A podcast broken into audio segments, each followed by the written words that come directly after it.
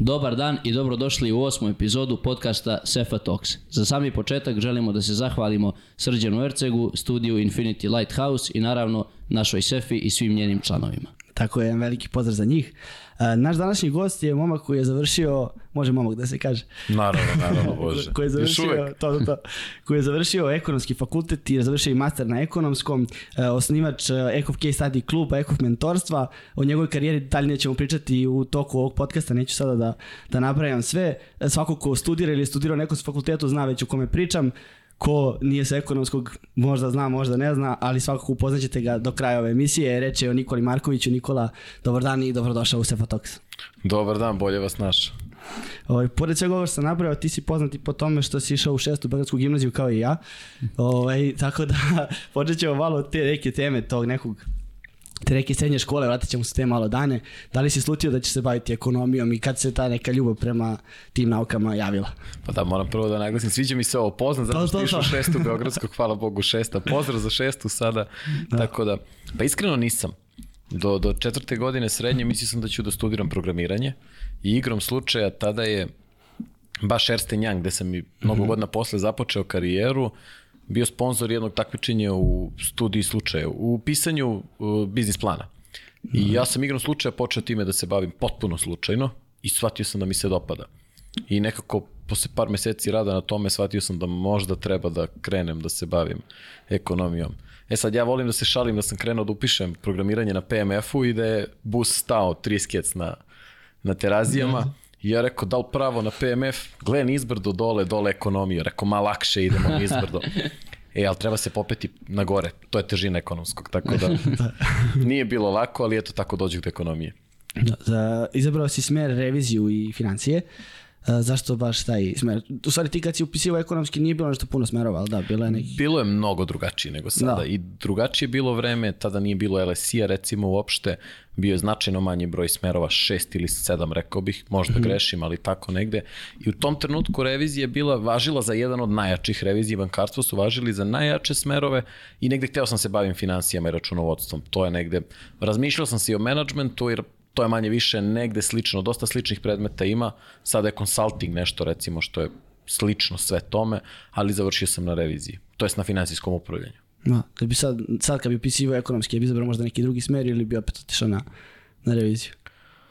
Uh, dobro Aha. pitanje. Uh, razmotrio bih LSI varijantu biznis smera, ali svakako finansijsko upravljanje ili možda neke varijante konsultinga. Tako da tu negde između. Nisam siguran, nisam siguran, bilo bi bilo bi teško.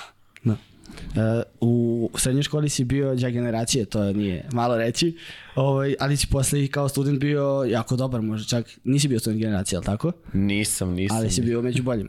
Pa dobro, jesam, sad morao si ovo da, Da, pa da pomeneš, ovo, ovo, ovo, da me nahvališ na početku. Jesam, to je nešto na što sam stvarno ponosan. Mislim, sad se vraćamo na šestu, ali negde kažem, i moja mama i tetka su završile šestu i negde osjećam to je porodična gimnazija. Onda je to bio i porodični uspeh kada se to dogodilo i stvarno jedna od stvari na koju sam možda i najponosniji u životu posle ovih organizacija o kojima ćemo kasnije pričati. A na faksu išlo je, išlo je dobro, ne mogu da se žalim. Prva godina je bila onako solidna, na drugoj godini sam bio nagrađen ono, 10-0 kao najbolji student. Bilo je naš četvoro koji smo podelili tu nagradu, da, da, da spomenem, nisam bio jedini. Da, ne, okej, da, to je to i posle završio sam s nekim solidnim prosekom, ali iskreno da budem, mislim da su najvrednije stvari koje sam napravio na studijama, verovatno studentsko mentorstvo, tako da to je onaj pečat koji ostaje, prosek, zaboravi se. Tačno. Znači, ekonomski četiri godine, ali tako, master još koliko to dođeš, godinu ili dvije. Aster je trajao malo duže. Dobro, nebitno. Ovaj, nakon toga početak karijere. Ide, Pa nije baš nakon. Malo se prepliću stvari. Suštinski na trećoj godini, to je neka 2014. Ja počinjem prvu praksu u Ernst Youngu i onda sam i u svojoj četvrtoj godini bio u nekom part-time obliku vezan za Ernst Young, za Transaction Advisory Services, to je odeljenje koje se bavi transakcijama. Konkretno due diligenceom osvrnut ćemo se možda malo i na to kasnije. To je bukvalno odeljenje koje, ja volim da kažem, automehaničari za, za, za firme kada se prodaju. Kao kad neko hoće da kupi firmu, on dovede nas da proverimo računovodstveno kako stoje stvari, dok vi kad kupujete kola vozite ih kod majstora, tako da... Znači, počela je karijera u dok se studiralo, onda se nastavilo u Ernst Youngu I evo da bi jedno pitanje, Big Four, znamo, ovaj, Ernst Young svakako spada tu i mnogi studenti ekonomije smatra se njihovim snom da nakon završetka da se radi negdje u, u, u Big Four, što se kaže. Kako je to i da li je to za- stvarno, stvarno san i ostvarenje? Pa sad san, malo je onako čudno definisati san, ali bilo je lepo. Ja mogu da kažem to je jedan od perioda gde sam bio najsrećniji. Big Four je onako specifično iskustvo zato što radite sa mladim ljudima, svojim vršnjacima, jedan nama je jedan od najstarijih ljudi u timu bio pet godina stariji od mene i samo recimo direktor iznad. Tako da jako su mladi timovi, svi su iz sličnih godina, imaju slične muke, slične probleme u to vreme. Ja sam voleo da kažem da ono, volim ponedeljak ujutru, jer idem na posao da sa svojim drugarima ispričam šta je bilo za vikend. I tako sam zaista doživljavao svaki svoj ponedeljak u, u. A imao sam sreće da radim stvarno jako velike projekte, transakcije su posebno zanimljive jer tu mladi bukvalno padate u vatru, dobijete priliku da jako brzo prezentujete i diskutujete sa onako C-levelom, direktorskim mm -hmm. nivoom, što je posle jako vredno iskustvo, jer dalje u karijeri vam znači mnogo kad već imate takvo iskustvo. Takođe, kad sam ja krenuo u Ernst Youngu, transakcije su imale pa oko 10 ljudi, možda malo manje. Sad taj tim broji preko 50. Tako da smo i mi koji smo tada počinjali imali možda priliku da radimo neke stvari koje nisu baš za taj nivo, jer jednostavno tim je bio mali. Kad je tim mali imate priliku mnogo više stvari da radite i brže da rastete, tako da to je negde To zaključak. je jako odgovoran posao za nekoga ko je, ipak su to šta, to je 21 godina, nisu neke, neke godine, neko iskustvo. 22, 22 pa 23, da. da, tako je. Svakako to je veliko iskustvo se pokupa. Pa ja volim da kažem i tad sam puštao bradu da izgledam starije, tako da to je to. Ko ja sad, mada ne ide mi nešto. ovaj, da, da li je to stvarno kao što kažu, ajde evo još, još eh, par, par što se kaže minuta da izdvojimo nešto Young, eh, što ljudi kažu jeste kao super, radi se sve, ali kažu nenormalan je posao, nenormalan je tempo, radi se po, uvijek se radi preko vremeno, mnogo sati, mnogo napora, posle i svega. Da li je to tačno ili... Delimično. Ajde sad da razumemo. Ima vremena kada se ne radi toliko, kada je normalno radno vreme 9 do 5, ajde 9 do 7, uz neku pristojnu pauzu, jer opet, kažem, tu ima mnogo ljudi s kojima imate svašta da pričate, pa pauza nekad može da potraje više od pola sata i sat i sat i po, a jednostavno priroda posle je takva da sami ste ono vladar negde svojih rokova. U transakcijama svi projekti se rade 3 do 4 nedelje. I kada najđe projekat u te 3-4 nedelje nekad kasne podaci, nekada imate manje vremena, u te 3-4 sve se zabije u zadnje dve. I tada radite mnogo, dešava se da radite vikend, dešava se da radite 12-14 sati, dešava se. Mi smo negde radili, pa ja da kažem 7 do 10 vikenda godišnje dok sam bio u Erstenjanku. Znači, bilo je radnih vikenda, bilo bi glupo da, ne, da kažem da nije, ali nije ni tačno da se radi kao što kažu uz investicione banke, ono što gledate na filmovima 100 sati nedeljno. Nije tako. Post, postoje sasvim pristojan work-life balance, pogotovo što Ernst Young i sve Big Four firme vas teraju da se usavršavate, pa vas motivišu da učite ACCA, CFA, razna druga usavršavanja, šalju vas na treninge, tako da nemate osjećaj da je sve to samo posao, posao i posao. Jako je to lepo gamifikovano, tako da moj osjećaj dok sam bio tamo, da sve što sam radio imalo potpuno smisla, iako sam ja davao svoje vreme firmi, da sam mnogo više možda i dobio za sebe. Jasno. Pa da li je tvoja preporuka, znači da se nakon, odmah nakon fakulteta, ako neko planira svakako da uđe u, taj, u tu ovaj, sferu, da se odmah krene u takvu neku korporaciju ili da se sačeka da se krene nešto manje regionalno, slično ili nebitno na lokalnom nivou i onda da se pređe u, u jaču korporaciju. Šta bi... Uvek bih savjetovao veću korporaciju. Znači sad do pre par godina Big Four je bio možda najbolje mesto za početak karijere i negde posle kad budemo pričali o case teamu, moj glavni savjet je bio studentima ako hoće karijeru u financijama, transakcije, Big Four, eventualno advisory. I to je najbolji savjet, onako, to vam pomogne da kupite veštine koje su vam potrebne za dalje, daje odličnu referencu, daje odličnu mrežu kontakata. Tako da do skora sam mogao da se kladim da je to najbolji način za započeti karijeru. E sada, u prethodnih par godina tržište se menja sada imate jako dobre management consulting firme. Naravno, finansijski konsulting se potpuno razlikuje od management consulting, ali dobri studenti ekonomije mogu da odu u oba smera na kraju mm -hmm. fakulteta. I onda zavisno od preferencija, ko bi neko želeo karijeru u management consultingu, ima mnogo dobrih firmi koje sada nude opciju započeti karijeru i u Srbiji. Tako da mm -hmm. to je još jedna od opcija i od skora mnogo IT firmi započevši s Microsoftom koji otvara mnogo juniorskih pozicija o, daju mogućnost da započnete u toj sferi. To su sad negde tri sfere i tri različite karijere, ali nisam više siguran da je Big Four financije baš najbolja stvar. Da. Ukoliko želite financije i dalje, mislim da je najbolje krenuti iz Big Four, jer to je i dalje onako tier 1 kod nas za finansijsku karijeru. Da, to što si rekao za taj business management consulting, to je, na primjer, McKenzie, jel tako? Tako je, McKinsey, tako je recimo, takve firme.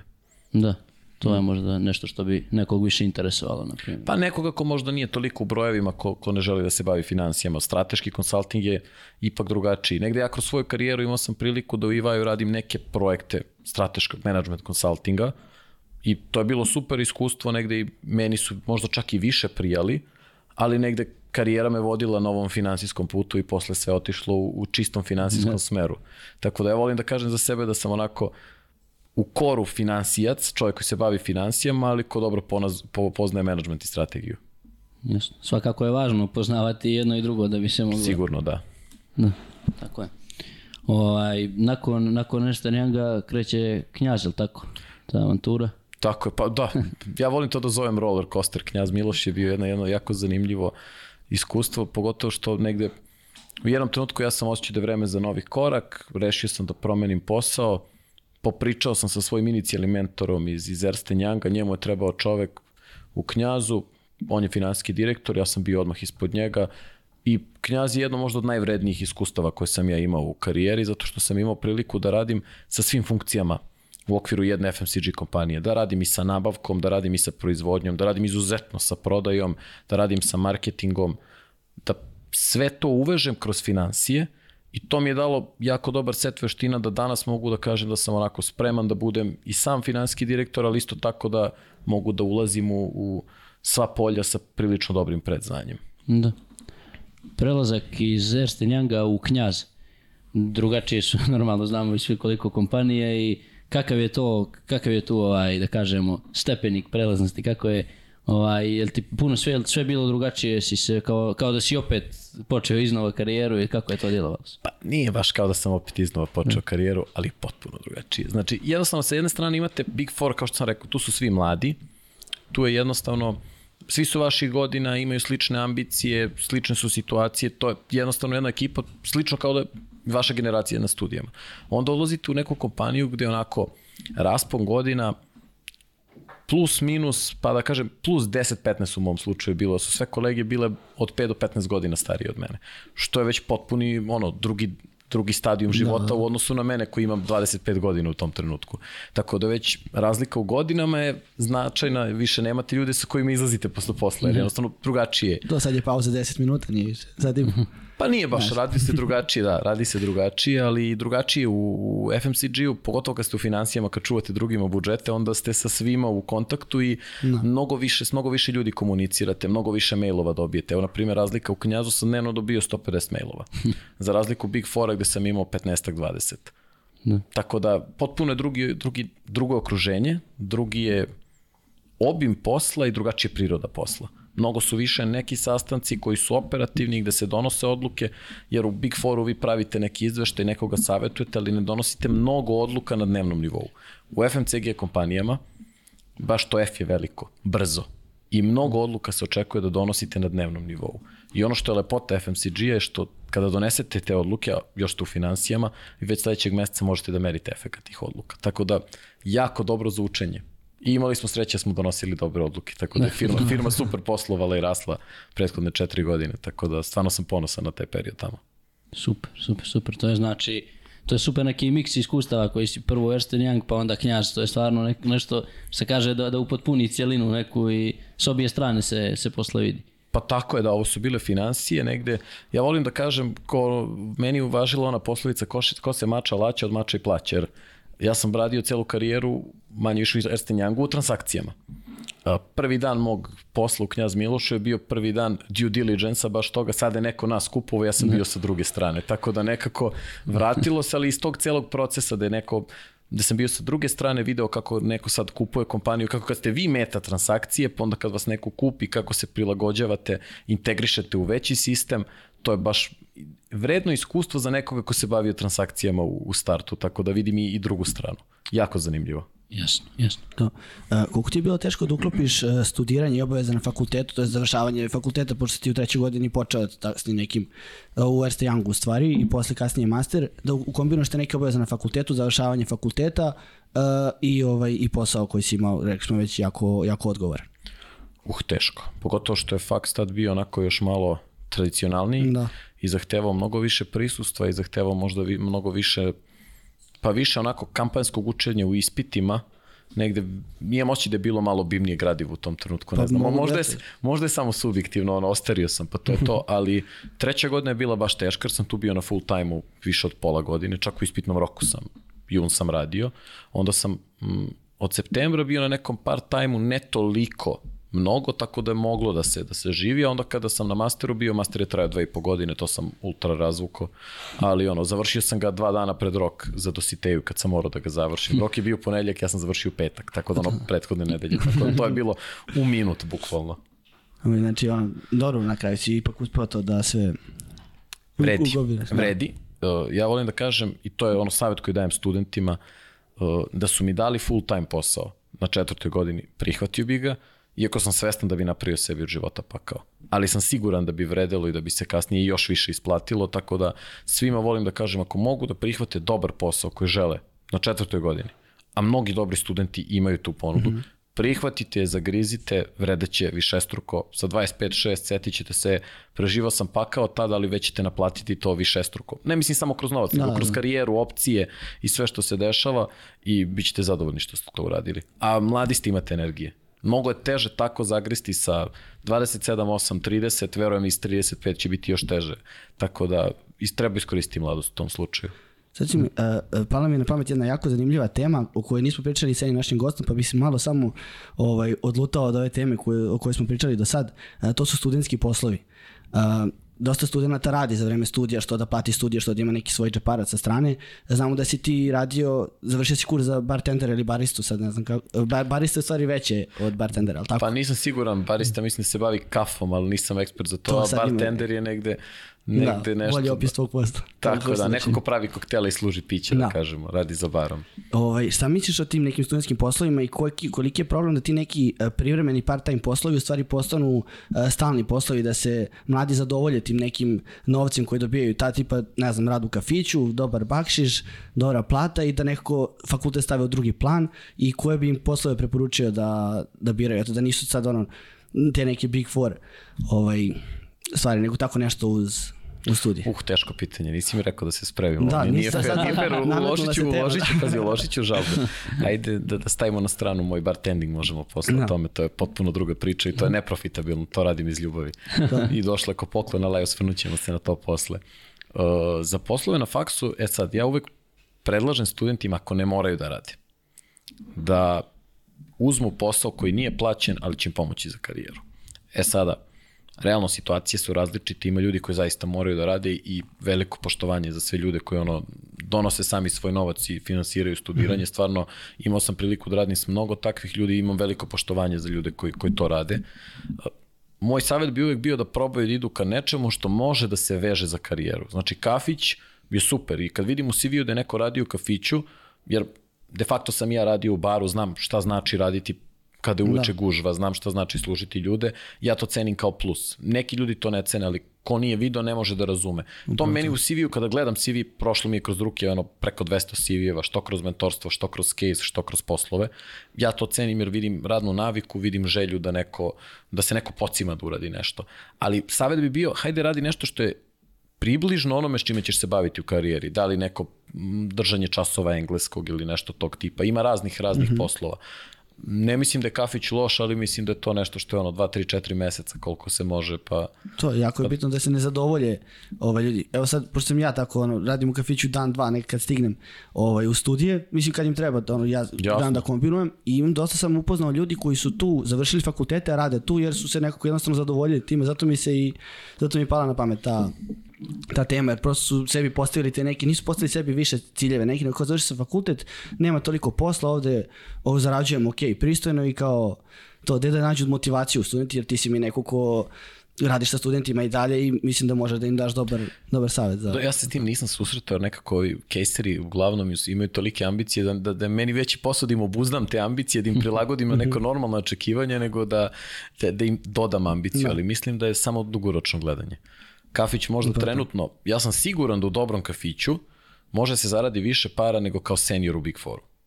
I to je sigurno. Da. Još ako pričamo o nekome koji je završio kurs za bartendera i zna da napravi pristojan koktel, pa zarađit će kao iskusan senior u Big Fouru. Ali stvar perspektive. Senior u Big Fouru će na rok od 10 godina biti finanski direktor negde. I uvek gledajte rok. Jer ako gledate da na 15-20 godina kako će izgledati moj život, moja karijera, sigurnost mog posla, onda će biti jasno zašto biraš Big Four recimo ili neki tako posao u odnosu na, na kafić. Ne, upravo to, to sam samo teo da, da neko, znaš, ono, ja, ja kad, im to, kad to kažem, znaš, tako pričam sa ljudima, nema istu težinu kao kad ti, ovaj, kažeš kao neko ko je prošao, već pocrvenit ću iskustva, je. znaš, a Već sam crveno od hladnoće, sad ću pocrveniti još više, nemoj tako slušalice, je. znaš, svi smo crveni, to je ogrejemo to. ove slušalice, da, da, da. Čuti dobro je, ladno je napolju da se zgremo. malo. Jeste da, lepo, dobro dođe. Uzet ćemo ih za posle. Da, definitivno. Treba da uke šetati. Da, ide onda malo da nastavimo o tvojoj karijeri, da se, da se vratimo na to. Od skoro si u Gomexu, je li tako? Tako je, to je da kažem ovaj sada, ja volim da kažem poslednji korak eh, karijere u financijama, vidjet ćemo šta je posle. Jer meni je karijera negde tipična, imao sam sreće da išlo malo brže nego što je možda očekivano, ali onako neki big four, finansijski consulting, onda controlling, to je biznis planiranje, taj deo financije, jer ono, financija je samo za možda ljude koji nisu toliko upućeni, postoje negde tri osnovna dela controlling, business planning, to donošenje odluka, one brojke koje utiču i povezane su sa biznisom, finansijsko reportovanje, ono, one knjige koje pravite, bukvalno knjigovodstvo, ono što pravite za revizora i negde treasury ili blagajna upravljanje cash flowom. Negde ja sam bio u ovom delu controllinga i čest, najčešće se dešava da ljudi iz controllinga odlaze na, na CFO poziciju i negde to je normalan put. Controlling, senior manager controllinga i posle toga CFO. Ovde je nekako došlo potpuno slučajno da smo se našli u jednom trenutku, ali jedna lepa, velika firma koja ima ozbiljne planove za rast i jako sam srećan što sam tamo, jer evo, tu sam već mesec, mesec i po dana i jako mi se sviđa sve što vidim, jako mi se sviđa potencijal na koji nailazim, tako da mislim da sam doneo pravu odluku u karijeri, tako a o prirodi tog posla mogu, možda neki drugi put mogu više da vam ispričam, jer potpuno se sve promenilo u odnosu na pre par meseci i moj život u knjazu. To je, još ti je sve novo, znaš, pa nisi... Joj, nije, morao sam brzo da uđem u neke stvari, Jeste. tako da, veruj mi, veruj mi, dosta sam dovuku ušao u neke stvari, tako da nije baš novo, ali zadovoljan sam, mislim da sam donao pravi, po- pravu, odluku i baš je, baš sam srećan zbog toga. Da. Kao neko ko je od kraja fakulteta pa sve do sad uh, u nekim korporacijama. Da li je kroz te neke momente u tvojoj karijeri bilo razmišljanja da li da odnem ne, nešto privatno, nešto svoje, da pokrenem nešto? Da, da li je bilo toga na trenutke ili si od uvijek bio imam temeljan plan i idem to, to, to, to, to. Realno, ne baš. Mislim da nisam preduzetnički tip. Mogu da pomognem preduzetniku, negde kroz case klub i kroz mentorstvo mogu da kažem da sam ono mentorisao 30-40 plus ljudi. I mnogi od njih mi se i dan danas jave, bilo da su u Londonu investicijonoj banci da im treba savet, bilo da su u Coca-Coli imaju problem s menadžerom, treba im savet, bilo da osnivaju svoju firmu. Imao sam priliku da ono, radim kao konsultant nekim svojim drugarima, prijateljima, mentijima bivšim, koji su pokretali svoje biznise. I nekolicina od njih je čak i rekla je, ne moraš ni ući sa novcem, ajde uđi si iskustvom, znanjem, treba mi pomoć jedna od dva su bila ozbiljno narasla, da su mogla da onako i prebace moju trenutnu zaradu, imali su potencijal za rast i mogu da kažem da sam se u ta dva slučaja zaista zapitao, to je realno bilo u zadnjih godinu dana, mm -hmm. da li je možda vreme da pre tog poslednjeg koraka i ono dolaska do, do, do vrha u financijama izađem i kažem ok, sad je vreme da se bavim preduzetništvom. Ne isključujem da na rok od 5-10 godina kad možda i akumuliram neki kapital, probam nešto svoje, ali i dalje mislim da sam mnogo više korpolik nego, nego preduzetnik. Jer nosi druge izazove samo po sebi. Jasno, potpuno neke drugačije dvije sfere, a to što kažeš konsultante, u imeni si prije emisije nešto dao neke konsultacije i mogu da kažem da to baš onako dobro. Preporučuješ me da? Da, da, preporuke su. tako je, tako je. Ne znam, to znaš kako, nekako e, pričajući sa ljudima u ovom podcastu, ono, sa preduzetnicima, to nekako sam, sva, ja sam došao do nekog zaključka da je mnogo bolje kad radiš e, u korporaciji, tu stečeš iskustvo, iskustvo, iskustvo, poznaješ ljude i da onda pokreneš nešto svoje uh, uporedo sa, sa korporacijom. Znači radiš u korporaciji, dve, tri godine radiš na svojoj ideji koju imaš, da budeš siguran da možeš da se posvetiš uh, potpuno, nego kad odmah kreneš u, u te neke preduzetničke vode. Sad da se nadovežem na ovu temu što ste pokazali. Znaš, Mislim da nema pravila. Neko ko ima dobru ideju i ukoliko Iole ima dobru mrežu ljudi, onako Mhm. iskrenih savjetnika, prijatelja koji će mu malo pomoći, može da napravi bez korporacijskog iskustva uspeh. Mislim da je u preduzetništvu baš ideja nešto što, što stvara vrednost i baš to što mnoge ideje i ne uspeju i propadnu, i propadaju većinom zato što ljudi koji su to krenuli nisu imali znanje i mislim da samo treba još više platformi, akceleratora i da kažemo nekih udruženja koji pomažu mladim preduzetnicima da bi to ubrzalo privredu. Tako da ono, ja, ja volim i onako, često mi je preko glave kada me pozove neko tako, možda pogledaš biznis plan, aj dođi, aj dođi na kafu samo da vidiš ovo. Iskreno nekad budem onako ono, što sam prihvatio, ali mislim da je to negde onako onaj socijalni aspekt gde on treba pomoći mladima i negde to su vrednosti i case kluba i, i mentorstva ono do, do kog sad negde dolazimo, tako da mislim da je to okej. I volim uvek da pomognem mlađim ljudima, čak i ako nemaju ono 10 godina iskustva u korporaciji i negde neko znanje, jer uz malo pomoći mogu da naprave puno. Tu viš, Aleksa je kreativan, nije te zvao na kafu, nego te zvao u podcast da, Da. da mu pomogao. Okej, okej, okej, okej. To, to je Bravo to. za trud. A sad mi je ovo naznačio kao nemoj me žati na kafu. Da, da, da, da, kao ne voli. Priča o tome. Pa što obično moraš prođeš intervju za case klub, to nije tako lako, znaš. On je aj, ajmo podcast, idemo sa strane. Dobro, dobro, to je preduzetnički duh, to je to. To je to o čemu pričam, tako da to stvara vrednost. A, možemo i tako da Tako nazovemo. ćemo reći. Preduzetnički duh bolje zvuči. tako je, tako je, tako je. E, Spomenuli smo, to je ti si spomenuo Ekov mentorstvo, e, je i Ekov Case Klub, je dve jako bitne teme o kojima treba da se posvetimo, kojima treba da se posvetimo ovaj, e, lepo. E, Bolje ti da predstaviš, evo da kažemo prvo ovaj, Ekov mentorstvo, šta je da približiš ljudima u stvari kako, šta je to i zašto je to toliko dobar ovaj projekt. E, o tome mi je uvek baš teško da pričam, ali potrudit ću se. Uh, negde ono, kroz case klub sam trener prezentacije i spremam studente za takmičenje, doćemo do toga, ali kada god sam pričao o projektu studentskog mentorstva, bilo je užas. I sam sam sebe gledao i rekao, bože šta ja radim. Jer je nešto što mi je zaista, jako sam ponosan na taj projekat, sad ću da objasnim ono, tačke kako, kako smo rasli i gde negde E, sam to. bio jako, jako ponosan na to. Uh, to je krenulo 10 ljudi, mojih drugara, čega petorica, šestorica, mi smo bili na moru, bukvalno smo bacali ono kamenčić u more, razmišljali o životu i negde iskreno budem imam traume posle prve godine Ekofa, jer nisam imao prave informacije, mnogo ljudi, ja sam upisao fakultet, nisam znao šta znači reč semestar. Potpuno sam nepripremljen došao tu sa mišljenjem, e, ti si neki džaj generacije iz gimnazije, ma ti ćeš ovo lagano. I onda sam na teži način naučio da neću to lagano i da moram malo bolje da se organizujem. Ali da sam imao prave informacije, život bi mi bio mnogo lakši i sa druge strane postigao bi bolji rezultat. Mi smo onda došli na ideju, ajde mi da napravimo projekat mentorstva. Nas desetak. Već smo mentorisali neke ljude, ali da to probamo da, da proširimo. U tom trenutku manje više underground uz pomoć par profesora, mi smo došli do studenta prve godine i počeli to da radimo.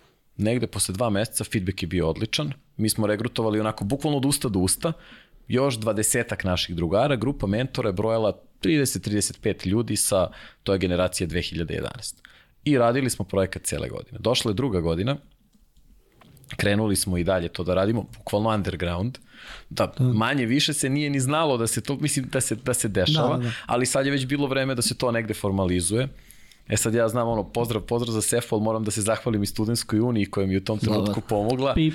A, pip, nećete me cenzurisati, ne znam kakvi su odnosi. Ovaj, na, na case-u imamo pravilo, nema politike i nema studentske politike. To je, tako da ja se time ne bavim uopšte. Studentskoj uniji se zahvaljujem jer su oni negde projektu mentorstva donirali program koji su oni imali hteli da rade, ali su ga bukvalno donirali i onda sam ga ja tada sa par kolega iz Studentske unije prilagodio da britanski program negde bude onako nešto slično, prilagođeno našem mentalitetu, jer mislim da je velika razlika u odnosu između ljudi u Britaniji i kod nas. Tako da ono što sada postoji kao pravilnik studentskog mentorstva, ne znam, možda ste mentor ili menti i bili, tako da taj pravilnik je zapravo nešto između toga što su oni imali i hteli da radi i nečega što smo mi radili potpuno onako na našu ruku kako smo mi osjećali da treba. I to se negde u toj drugoj godini to jest moj četvrtoj godini, to se uh, formalizovalo, ja sam imao baš razgovor s dekanom, jako mi je, jako mi je bio simpatičan komentar, on je pogledao liste mentora i rekao, pa ja ne smem da naljutim ovu količinu dobrih studenta, moram ovo da radim, hajde sada da sednemo. Da. i, i sa, sa dekankom sada Žaklinom sam baš radio na ovom projektu dosta i uspeli smo da ga potpuno formalizujemo, jako sam ponosan, sad je mislim deveta generacija, ja od pa da. treće, treće ni ne pojavljujem se, pre godinu dve su me pozvali da držim tu inicijalnu radionicu za mentore, bio sam jako srećen kad sam vidio da imaju svoje sveske, papire, sve to onako, mm. baš je brendirano i ima ima neko, ovaj, nastalo, nastavilo je da živi u, u tom setu vrednosti. Sad mislim da ima oko 100-150 mentija godišnje, studenta prve godine koji dobiju mentore treće godine, tako da projekat funkcioniše na polugodišnjem, na semestru, na nivou semestra se radi evaluacija, zadovoljstvo, tako da jako, jako jedan lep projekat i drago mi je što i dalje živ. A gde sam bio najponosniji na taj projekat? Pozvali su me kao alumnistu fakulteta, zapravo mnogo više zbog case study kluba i toga što kao alumnista sarađujem s fakultetom na, na case study klubu, mm -hmm. o kom ćemo posle da pričamo. U periodu licenciranja u periodu licenciranja za, sada je bila ova licenca za biznis škole. Prethodne godine ekonomski fakultet to dobio i bilo je nas 5-6 na, na, na panelu i pričali smo svako, oni su nam dali jedno jako zanimljivo pitanje, jako mi se dopao taj intervju, doveli smo nas kao alumniste i kao, ok, vas je fakultet doveo kao alumniste, Šta ste vi uradili za taj fakultet? Odmah su okrenuli varijantu, jako da, dobar da, da. intervju, dobar intervju, sad svako od nas je pričao šta radi i poslednja priča devojka koja je na masteru u Amsterdamu, i ona počinje priča o projektu studentskog mentorstva. I ja se bukvalno istopim tu, jer ono, potpuno vidim efekat nečega 5, 6, 7 godina posle što sam to osnovao. Da. Ona nije ni znala da sam ga ja osnovao, da sam ja na istom tom da. video kolu kao i oni. I onda sam bio baš ponosan i ne znam šta sam sve rekao tada, ali znam da, da su me potpuno ono emocije su me savladale. Rekao, ok, vidim efekat 7 godina posle, kako to se isplati fakultetu za nešku jako bitnu stvar. Tako da tad mislim da sam, da. i seća se sam tad ušao u dekanat i rekao sam, ovaj, tadašnjoj prodekanki, sada dekanki, rekao, to je to, pričali smo o tome. Napravi, Ušao, napravi, na, na, na, napravili smo nešto sedam godina posle, ono, jako sam bio ponosan. Kako Tako da, i, i drago mi je što i dalje, i dalje funkcioniše i nadam se da će još mnogo godina da, da funkcioniše taj projekat. A u, če, u, u čemu se ogleda ta saradnja sa, između mentora i studenta? Jel vidiš neku razliku između toga kako ste vi radili sa, sa mlađim generacijama kad si ti bio mentor i sadašnji sadašnji mentori. Pa nisam siguran zato što nisam uključen u projekat. Mm -hmm. U suštini trebalo bi da, bar onako by the book, kako da, smo mi to rekli, mentor je neko ko je ono prijateljski nastrojen, ali nije prijatelj i nije tu da te uči, već da ti pomogne kako da učiš. Da ti da prave informacije, da te usmeri, da ti kaže tamo je rupa, nemoj preskoči, idi levo, bukvalno. I mislim da je i dalje tako.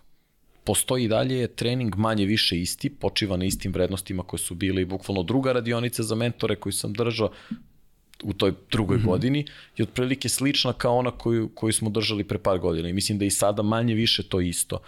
Pomoć se baš ogleda u tome da pomoć u organizaciji vremena i toga šta je teže otprilike, sad znate, prva godina, kolokvijum iz matematike treba spremati na taj taj način ili tražiti pomoć. E, kolokvijum iz osnova se možda spremiti lakše. Sociologiju ne moraš raditi cele godine, ali stići ćete na ispitu. Sad dajem onog ugrube primere da, da, da. iz mog vremena, verovatno se dosta promenilo, ali je mnogo bitno da ti neko kaže ono, par prečica, da se bolje organizuješ, mnogo lakše ćeš preživeti. Pogotovo posle kad krenu i ovi malo specifičniji predmeti. Ne, to je, to je sigurno vrlo važno, pogotovo za neke ljude koji dođu iz ekonomski iz nekih drugih gradova i ne poznaju nikoga. Na primjer, evo ja nisam u mentorstvu, ali mogu slobodno da kažem da sam mentor trojici, četvorici drugova koji su sad upisali fakultet i što god imamo grupu i svaki dan mi stižu. Sad mi je sociologija, sad mi je matematika, kako usmeni, kako pismeni, gdje sve me ono, bukvalno pitaju ali oni imaju nekog, zato što su odavde, ja sam isto završio tu srednju i onda znamo se. Ali neko, na primjer, ko dođe iz nekog drugog grada, nema nikog ekonomskog, koga onda pita.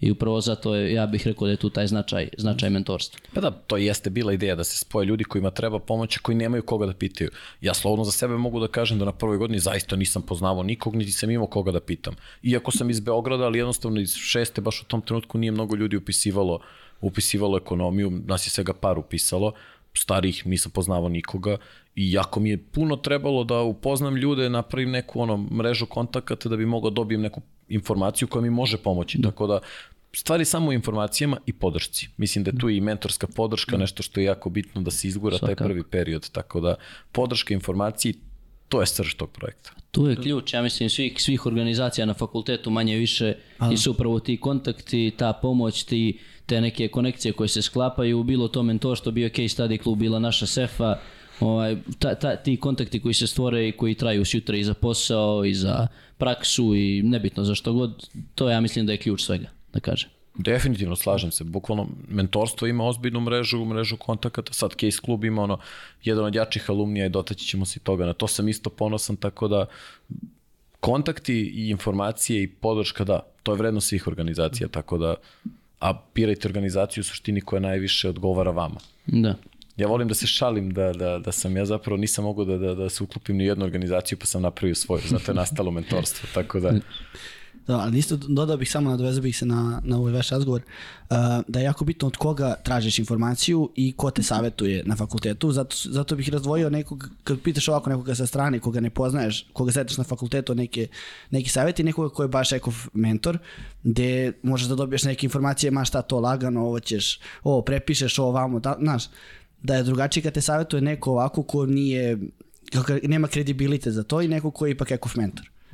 Pa mentorstvo je, barem u moje vreme, a siguran sam i sada, imalo taj sistem komunikacije gde negde na tom tim zajedničkim mentorskim sastancima se negde razmenjuju informacije, dogovara pristup, utvrđuje Ne, kako će da. se čemu prići, tako da postoji relativno, relativno kontrolisan tok informacija. Postoji intervju i ko može biti mentor, ko ne, tako da nikad ne možemo doći do toga šta je ono savršena informacija u u tom slučaju i šta je savršena informacija za vas. Super ambiciozni student, mentor može da loše utiče na nekoga ko nije ambiciozan. Ja mislim da sam ja tu grešku napravio par slučajeva kao, kao mentor kada smo počinjali. Žao mi ali to je bio proces učenja, jednostavno je tako. Tako da i sam mm, samo spajanje mentora i mentija dosta utiče na to kakva će biti saradnja. Pa to je opet, nisu svi studenti isti, neće svako na, na isti način da rešavate neki probleme i da, da prihvata neki savjet. Pa zato i postoji, go, zato postoji intervju i na obe strane i zato postoji zaista proces, jer najveća vrednost u tom procesu je zapravo kako će se spojiti studenti, mentori i mentiji. Ako se to uradi kako treba, to znači da će, da će biti dobri odnosi i bit će maksimalan benefit iz tog projekta. Upravo. Ali došlo vreme. Jedva čeka da pokrenemo, da krenemo u Ekov case study, znaš. Sve rekao, Ekov case study, pričat ćemo o tome kasnije. ćemo. Evo ga. to je to, Eko case study. Dobro, da, to je ovo, da kažemo, najsvežnija stvar na koju sam mnogo ponosan. E, tako da, uh, pre svega čestitke našem timu koji je pre dva dana osvojio Cambridge mm -hmm. Case Competition, to je drugu godinu za redom da pobeđujemo na case study takmičenju koje okuplja sve univerzitete iz Velike Britanije i da ih pobeđujemo na management consulting case-u, ne samo finansijskom. Velika pobeda za ekonomski, velika pobeda za klub i sada kažem dokaz jednog sistema koji smo postavili. I za Srbiju.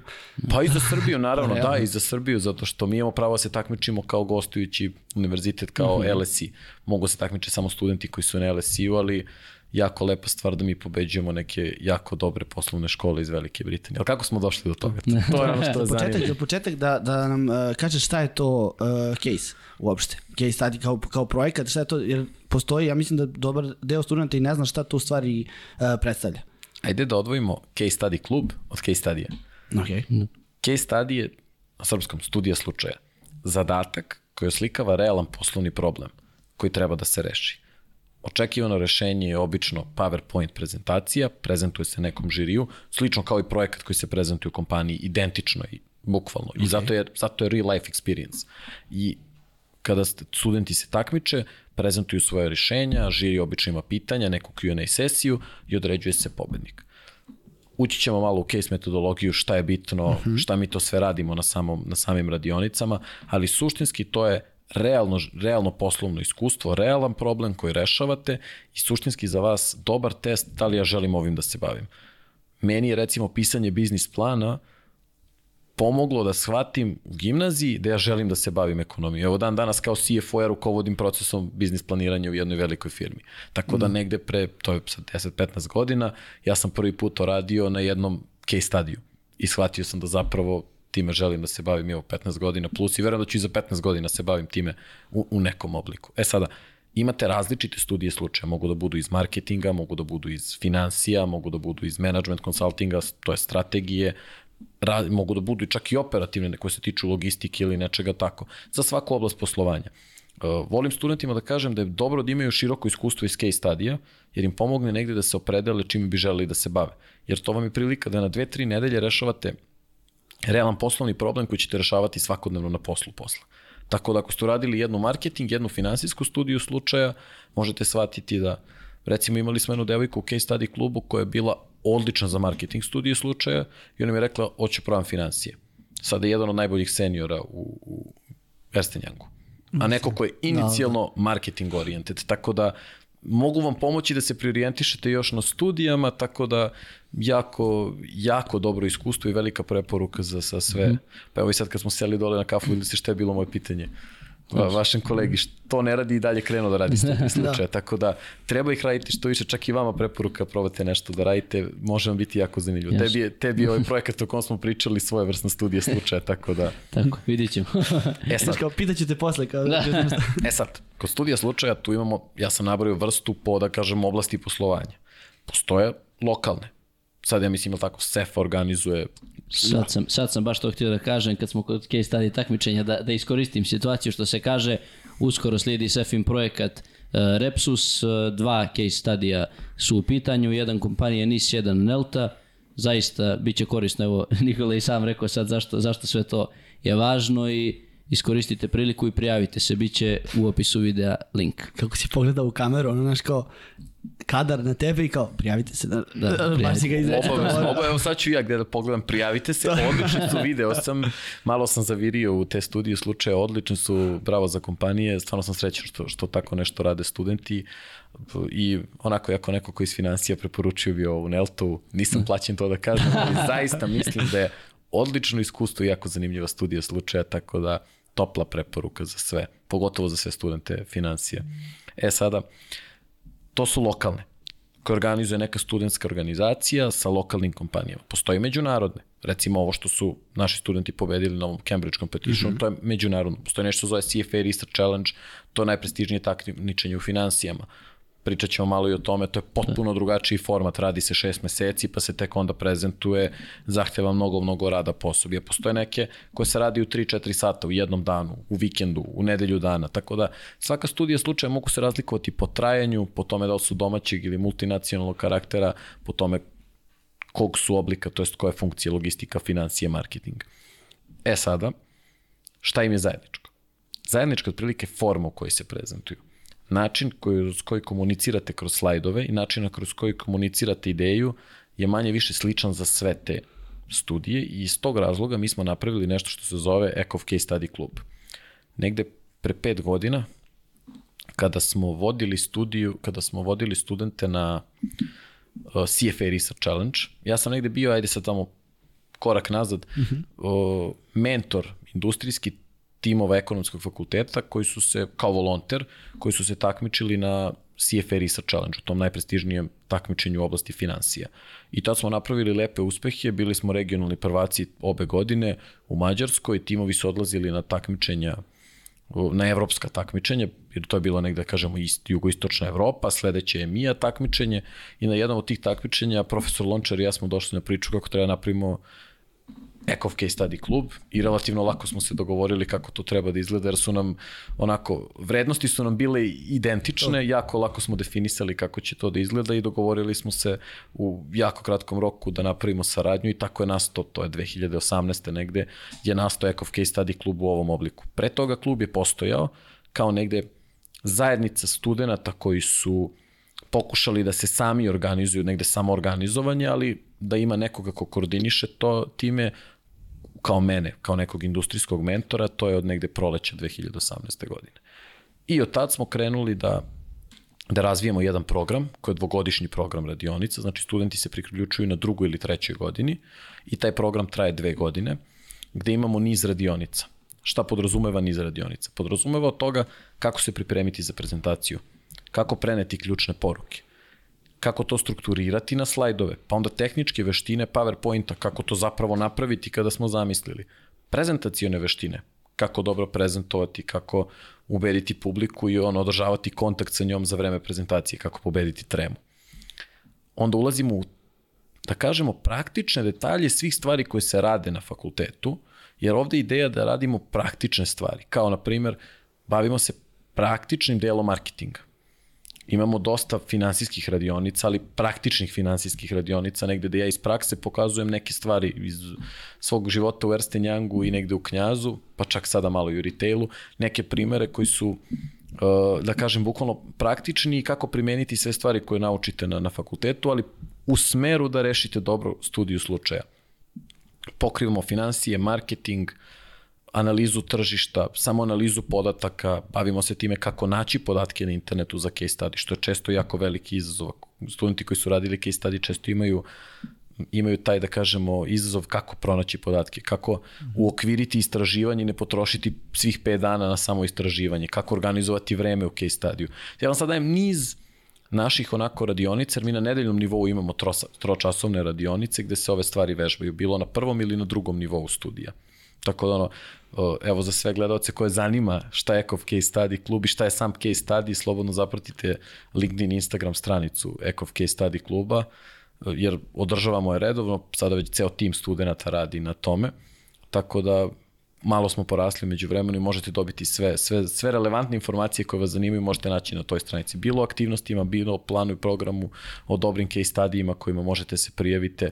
Zaista se trudimo da sve relevantne informacije pustimo kroz taj kanal.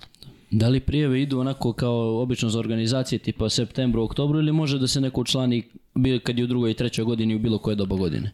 Ide uvek u septembru i prolazi mm -hmm. se prilično opsežan nivo, da kažemo, selekcije. Negde mi nemamo fok, ne možemo imati više od 50 studenta, možda čak i 40. Kako bi svi oni mogli da imaju uh, osjećaj da rade jedan na jedan sa nekim.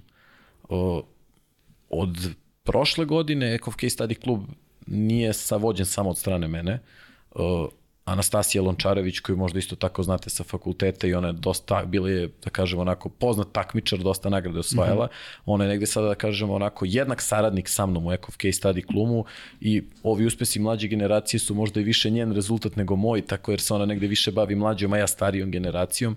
Tako da negde, sada nas dvoje pokrivamo te dvu, gru, dve grupe od negde 40 studenta, prv, mlađa i starija generacija. Ali ako prebacimo taj broj, nećemo moći da pružimo osjećaj jedan na jedan. Iskreno, želim da svi članovi case study kluba mogu da budu slobodni da mi pošalju poruku i da pitaju kad ih nešto zanima. Bilo meni, bilo njoj. I ako odemo na 100 ljudi u generaciji, to više neće biti izvodljivo da. i opašće kvalitet. Tako da onda moramo da uradimo što bolju selekciju i imamo set vrednosti nam je da neko ko želi da se potrudi oko toga i ko će tome da da prioritet. Realna je situacija da od 50 ljudi koje primimo u septembru, 30 završi godinu jer uglavnom ljudi odustanu. Nismo dozvoljavali e, priključivanje, dopuštamo pojedinim slučajima da se ljudi priključi na četvrtoj godini, tako da nismo tu isključivi, ali savet je baš zbog toka radionica kako idu, jako je bitno da krenete od oktobra, kada kreću osnovne stvari. Jer ako krenete od da kažem, februara kada su financija, propustili ste analizu, izvore podataka, strukturu prezentacije, tehničke veštine, to nije to. I uvek ćete biti ono ni na nebu ni na zemlji. Tako da topla preporuka svima koji su možda zakasnili da se prijeve, da se prijeve u septembru čak i ako su četvrta godina. No, kako izgleda taj proces selekcije i šta vam je ono najbitnije što tražite u... Strašno. Da. Mislim da većina studenta koja je primljen ove godine posle intervjua mislila da neće biti primljeni. To je čak neformalno feedback koji smo dobili, da su svi mislili da neće biti primljeni, zato što se trudimo da budemo onako, da ih izazovemo do naj, mm. najvišeg njihovog nivoa. Piše se motivacijono pismo i stvarno dali smo instrukcije kako se piše motivacijono pismo, znaju, javno su objavljene je vrednosti Ekov Case Study kluba, tražimo CV motivacijono i jedan mali formular, nakon toga ide intervju. Intervju je onako, potpuno, pa da kažem onako zapadnog tipa kao za ozbiljne korporacije. Ja sam u poslednjih godinu, godinu i po dana imao priliku da za baš dve ozbiljne strane firme prolazim proces selekcije baš za C nivo i onda jako mnogo pitanja onako ima strukturiranih tako da vam testiraju motivaciju, da vam testiraju kulturu slash timski rad i da negde testiraju dokaz vašeg iskustva da to što ste stavili u CV je zapravo to. Kad strukturirate pitanje u te tri grupe, to postane jedan jako zahtevan intervju a na sve to dodamo i onda neke mozgalice jer želimo studente da izbacimo iz komfort zone, da im damo malo mhm. vremena i nešto što im deluje da je lako da se reši, da vidimo kako se ponašaju kada pogreše. Jer na kejsu realno ćete grešiti, to je nešto gde se uči kroz greške. Ja dan danas kada radim nešto tako novo što je ono out of comfort zone, grešim i onda učim kroz te greške, to je normalno. Ali je jako bitno da se proveri onako kakav je mindset osobe koja pogreši na intervju, kako će se poneti. Da li će biti defanzivna, da li će prihvatiti i biti zadovoljna što je naučila i kroz to testiramo zapravo vrednosti, vrednosti ljudi koje primamo u klub. I iskreno, zadovoljan sam jer u zadnje tri godine mislim da je proces selekcije dosta, dosta unapređen i da smo ove godine uradili jako dobru selekciju, što se negde vidi kroz... Kroz, Kroz rezultate, pa da. Tako je. Uh, jel, jel znanje engleskog jezika neophodno ili to je, kako to je taj pristup, stvari, taj razgovor obavlja na engleskom jeziku? To, to Može da bude, ne mora, zavisi. Eto. Ali ja volim da kažem da je zvanični jezik uh, Ekov Case Study kluba engleski. I očekujem da svi pričaju dobro engleski. Topao savjet za sve studente koji su od prva, druga, treća, četvrta, koja god godina, imaju problem sa engleskim, rešite ga. Bez engleskog ne možete, to je jednostavno vid pismenosti da. u modernom svetu i nemojte prihvatati da to mi ne ide. Ne, može svima da ide, samo je pitanje rešenja i možda ono, glavni savjet ovde, ako imate problem sa engleskim, niste konforni, rešavajte to što pre, preskupo je po vašu karijeru da to ne uradite. Da, više se ne postavlja pitanje da li, da li znaš, podrazumeva se da, da moraš da, Tako je, da, da, da, maternji mora da bude manje pa više. ne maternje, ali korišćenje. Pa da. da može da se čita, piše i prezentuje. Da, bar taj corporate, co- corporate language, ili tako, to da se znaju, corporate- ko- ko- ko- corporate. ne, nego taj korporativni jezik je vrlo važan da se zna u tim pregovorima i sve. Pa naravno, pa mislim, ja volim, to sam negde čuo, pošto sam ja bio u Ernst Youngu 2014.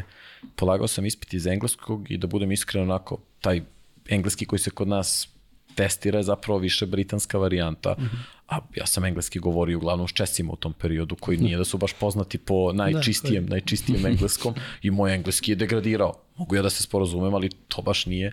I onda je profesorka bila onako puno razumevanja, rekla, a to je ovaj biznis, European English, tako da ne morate govoriti engleski na nivou C2, jer često ljudi stavljaju sebi onako dodatne okove, ne znam engleski jer nije potpuno gramatički pravilan.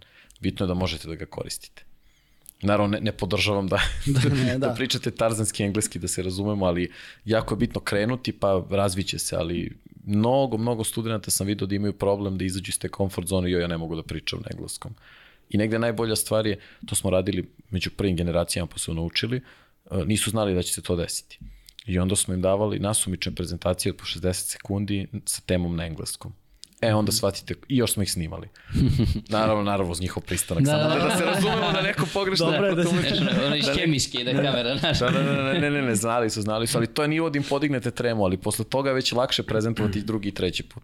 Mogu da kažem da danas poznajem neke ozbiljne menadžere u privredi, koji na toj prezentaciji prvoj na engleskom su toliko strašno loše izgledali da je to jezivo. Da. A danas onako rade u multinacionalkama, jako su mladi postali menadžeri i, i ponosan sam na njih kako je taj put izgledao, tako da trenizi na case study klubu nisu laki, podrazumevaju izlazak iz comfort zone i nekad me ne vole studenti kad izađu iz sale uveče. Češće me ne vole nego vole, ali otprilike posle godinu, dve, tri, kada to dođe na naplatu, mislim da svi budu zadovoljni. Zašto, Onda zašto su prošli to. Pa ne, ne verujem da vole me vole, ali cene tada to što su prošli, tako da.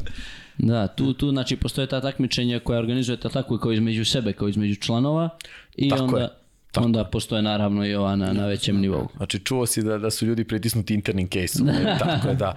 Uh, Kada nema dovoljno eksternih takmičenja, pravimo negde dva put, dva do tri puta godišnje pravimo interna takmičenja.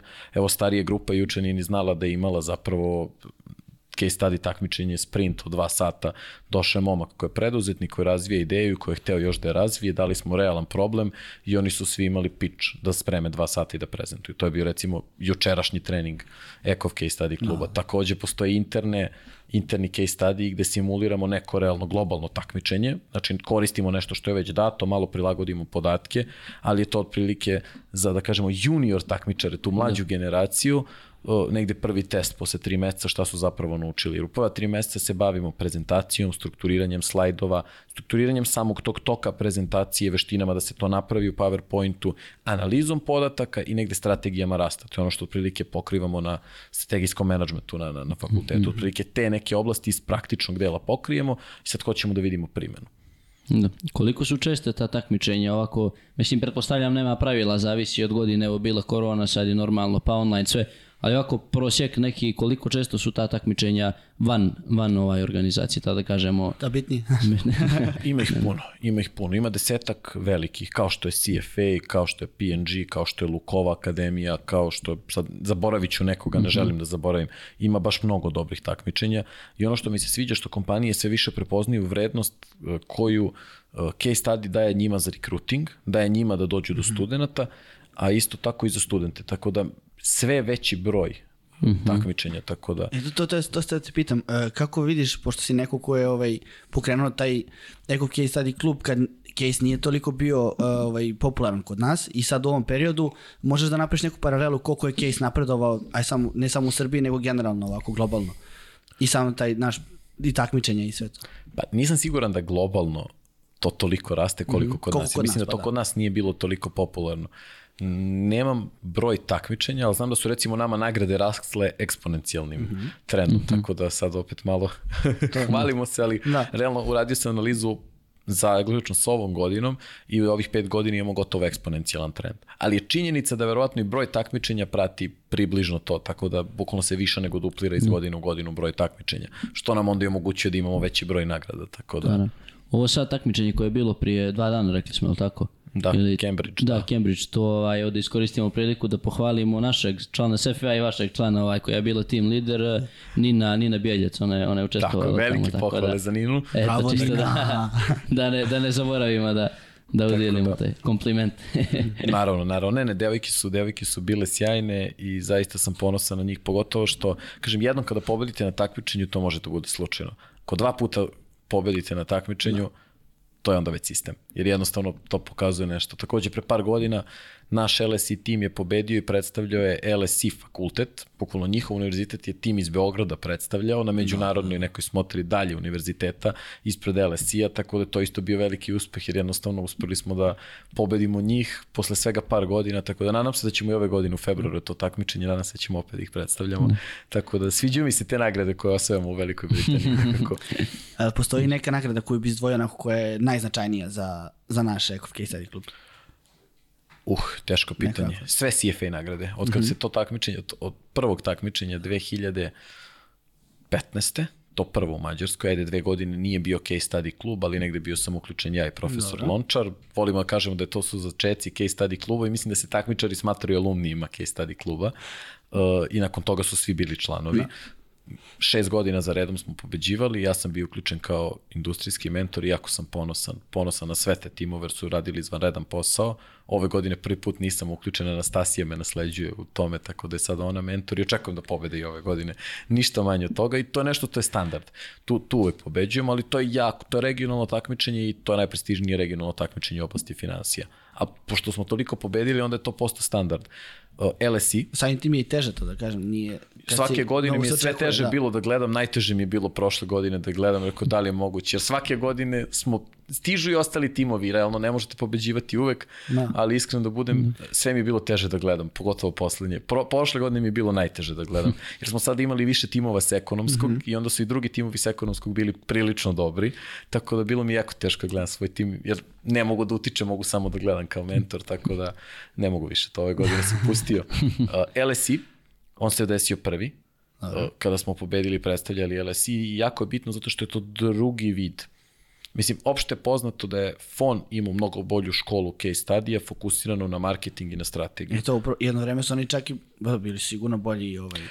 Uh, ne bih bio slobodan da kažem da nisu i dalje. Imaju izuzetnu školu case study, izuzetno znanje i u suštini baš me pre neki dan neko pitao kada ste zadnji put takmičili jedni protiv drugih. Ja se ne sećam da smo se zadnje dve, tri godine negde takmičili međusobno, tako da i dalje pustio bi njih da budu favoriti, ali bih voleo da vidim. mogli, mogli bi doći na Megdan, ili tako? Tako da voleo bih da vidim da vidim to negde, ali nisam siguran da će se negde skoro to desiti. Negde mi smo se držali financija oni toga. Onda ovo prvo međunarodno takmičenje u oblasti management consultinga mm -hmm. na kom su pobedili studenti Ekofa, što je pokazalo da sistem Ekov case studija nije samo fokus na financije, nego i na nešto drugo. A onda je na to došao Cambridge jednom, pa sad Cambridge opet. Tako da sad to su negde tri naj, najzvučnija međunarodna takmičenja. da, bolji smo to. je to. Među vremenu smo dobijali i case studije e, na nemačkom, imali smo gomilu nekih onako raznih nagrada, tako da postoji ceo spisak, ja mislim da imamo A4 stranu, skoro je to fakultet objavio, mislim, za godišnicu, tako da više ne mogu ne popamtim Da, da, gde se sve dešavaju nagrade, ali ove tri su mi nekako jako bitne. CFA jer je konstantan, jer tu držimo ono tron u financijama, LSE je bio prvi i sada Cambridge negde koji smo potvrdili, tako da ide to sve dobro. Drago mi je da vidim da sistem da. raste i najdraže mi je što vidim sada da negde polako i mla, alumnisti počinju da, alumni mreža koju smo izgradili, mm -hmm. uh, počinje da, da dodaje vrednost. Mi se trudimo da jednom, go, jednom po semestru održavamo nešto što je bootcamp, gde držimo vikend radionica i onda napravimo veliki networking događaj. Volim da se šalim, rekao, prošlog juna imali smo networking događaj u London pubu kod fakulteta. Mm -hmm gde smo imali, pa ja mislim, skoro 10 investicionih bankara za jednim velikim stolom. Tako, volao bi da vidim neku organizaciju koja može da onako Da pohvali time, odgovori pa da. time. Tako da sada alumni klub uspeva baš da pomaže, jer jednostavno taj network postoji i više kanal informacije ne ide samo od mene i Anastasije, već alumnisti međusobno komuniciraju. To zapravo pomaže da se osvaja sve više nagrada i pomaže da cela grupa trenutno studenta takmičara brže napreduje.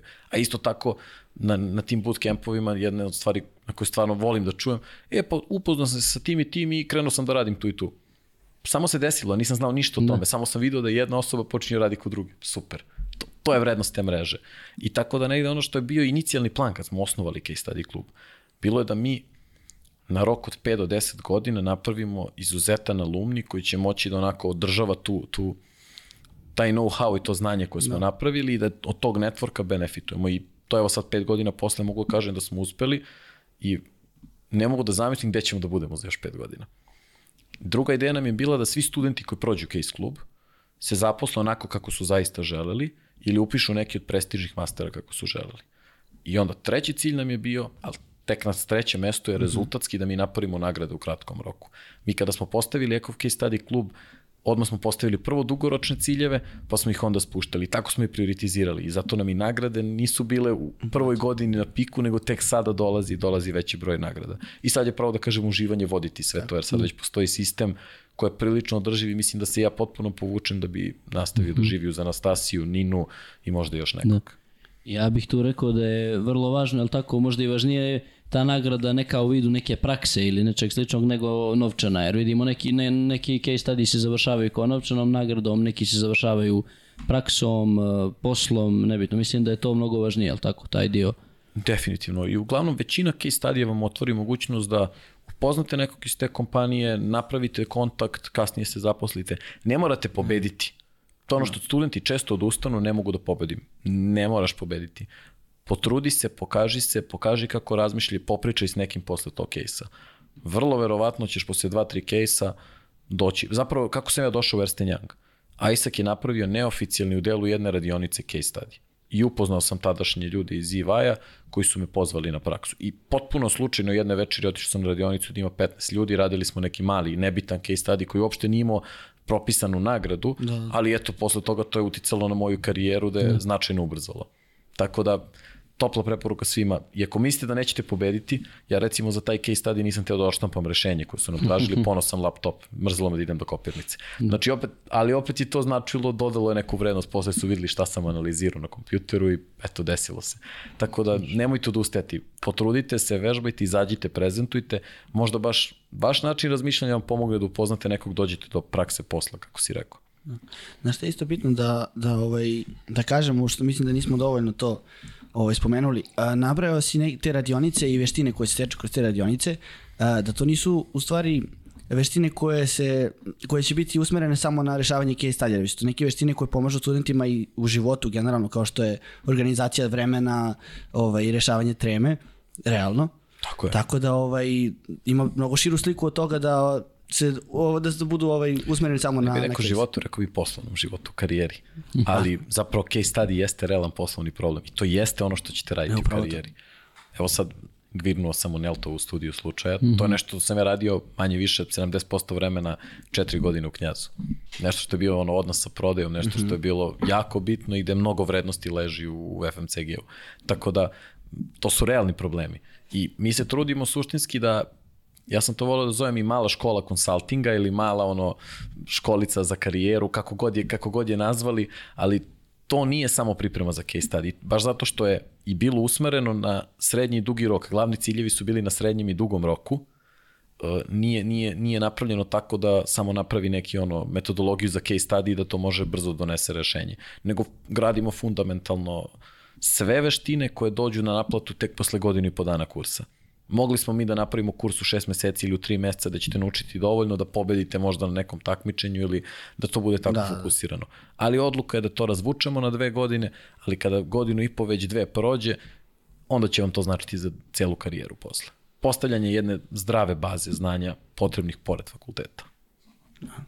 Jeste, onda kad postaviš tako vrednosti, ovo, dobro postaviš vrednosti, nagrade dođu same od sebe, to smo već, to smo i pričali. Uh, pošto se polako bližimo u kraju našej uh, epizodi, a ovaj, spomenuli smo to, treba kao na kraju svake epizode manje više izdvojimo neku poruku za, za studente naše. Ovaj, sad kad smo već kod ove teme, uh, kako organizovati vreme? To, na primjer, to bi te pitao, a posle da, da kažeš nešto onako mudro i pametno što će ostati jer upisano. Što će studenti čuti? Uh, ovo niste rekli se spremim za ovo. Kako organizujem vreme? Da. Pazi, bavio sam se šahom kroz srednju školu osnovnu, relativno ono, poluprofesionalno sam igrao šah i u šahu ono, mere vreme za svaki potez koji vučeš i sem što je jako stresno, pomogne ti da imaš osjećaj za vreme. Ja volim negde da radim stvari u i slično vreme, na faksu sam ustajao i učio uvek kretu u isto vreme, ako ne krenem u 9, krećem u 10 na ceo sat, to, to sam poštovao uvek, to mi je negde bila stvar da bude konzistentno u isto vreme i negde sam se trudio da pravim raspored danas radim odavde do ovde, odavde do ovde. Čak i na poslu se trudim, koliko je to moguće danas sa rolom je drugačije, ali da imam da. otprilike assessment ili da procenim koliko mi vremena treba za nešto i da odmah isplaniram svoj dan ujutru kad krenem. Papirče, hoću ovo, ovo i ovo, na kraju dana uradim evaluaciju, ovo sam uradio, ovo nisam. Dok sam bio student, uvek sam planirao na 120% svojih mogućnosti i nikad nisam stizao plan, ali sam bio svestan da, i ako ne stignem baš sve, bio je dobar dan. Ne nerviram se toliko oko toga. Mada su me često zavljali da sam depresivan jer kao nikad ne stižem svoje planove. Za organizaciju vremena to jako je teško pitanje, ovo možda držimo celu radionicu ovome, ali u suštini ideja jeste u tome da nađete način koji vam najviše odgovara i da, kao i u biznis planiranju, da merite koliko vam za šta treba i da onda budete pametniji sutra kad planirate. Tako da, kao i svako planiranje, potrebno je posle merenje i potrebno je da negde da znate koliko vam za, za, za, za šta vremena treba. Recimo za case study, to smo identifikovali kao problem prethodnih godina, studenti podcene koliko im vremena treba da naprave PowerPoint prezentaciju. Zato smo im ove godine dodali dodatni zadatak pre interno case-a da moraju da naprave ultra obsežnu prezentaciju i niko nije stigao, pomerili smo im rok za dve nedelje, ali je naravno učenije bilo nemojte ovo da vam se desi za interni. Čisto da, da razumeju tu organizaciju, tako da. Da. A ovako ne, neki, neki savjet za ljude koji ulaze sad ili su već ušli, ali skoro u te neke velike korporacije, svježe su izašli sa fakulteta, kako da pristupe ako im nešto, kak, ne, neki, neki ovako, da, da zaokruže. Šta bi ti izdvojio da je najbitnije sa tim svojim iskustvom i svima što si prošao? Formulisao bi drugačije. E, da. Savjet koji bi ti želio da si dobio na početku svoje karijere. Bravo. A? Svaka čast. Dobio sam ga. Da. Tako da ću morati da ga ponovim. Ali pre toga moram, pošto sam skoro snimao jedan kratak video za moje drugare u Riddle baru, koje moram da mhm. pozdravim ovom mhm. prilikom. Da, i tu pričam. Gde da, sam, da, sam, gde sam prošao školu bartendinga kao neko ko je onako došao tu čisto iz, da kažemo, zabave, samo jedan veliki pozdrav sada za njih, ne, ne moramo to, to je, to je druga priča, ali taj video sam završio sa biće, biće ok, uh, potpuno spontano. Uh, i nisam bio siguran odakle to dolazi. Ja, baš kada sam ja bio negde treća godina i kada sam upoznao ljude iz, iz Ernst Younga, dobio sam savet koji su mi rekli, slušaj, niko na trećoj godini, samo se cimaj, radi, reistetali su mi jednu piramidu veština koja je značila uh, moraš da budeš ono pismen na kompjuteru, osnovne stvari, Word, PowerPoint, Excel, moraš da znaš engleski da to iskomuniciraš, moraš da imaš osnovno znanje, ono što ti daje ekonomski, stvarno ti da dobro znanje. Mogu da kažem da ekonomski mm -hmm. daje znanje potrebno od entry nivoa, ulaznog nivoa, pa do direktorskog nivoa, evo, iz svog iskustva mogu to da kažem. I na kraju imaš onaj mali truglić sreće da budeš na pravom mestu. Ali ta sreća samo zavisi da će bude pre ili kasnije. I komentar je bio, cimaj se radi, niko ko nije ispun, ispratio ovu piramidu, te osnovne stvari, nije mu bilo loše na pet godina, bit će sve okej. Okay. I zaista, Ja sam tad to pričao svojim kolegama i posle pet godina radili smo presek, sad uradimo presek, zaista je tako. Kogod je Iole ispoštovao taj osnovni guidance, cimao se, radio na sebi, svima je bilo okej okay i zaista bit će okej. Okay. Cimajte se, ima toliko prilika za rad, nije prazna priča, mogu da kažem ono, od onih dvestotinak CV-eva što su mi prošli kroz ruke za mnoge ljude, sad vidim gde su na 3, 5, 7 godina karijere i stvarno je svima okej. Okay. Tako da, topla preporuka, radite, radite case studije, radite na sebi, pravite preduzetničke priče, tražite pomoć od starijih kolega, siguran sam da ima mnogo ljudi koji su spremni da vam pomognu, jer i kroz tu cirkulaciju znanja bit će okej, okay, napredovaćete, to je to. I bit će sve okej. Okay. Biće sve okej. Okay. da. E, koji su tvoji neki planovi ovako za, za budućnost, da će biti sve okej? Okay? Da, do kraja. Kako vidiš?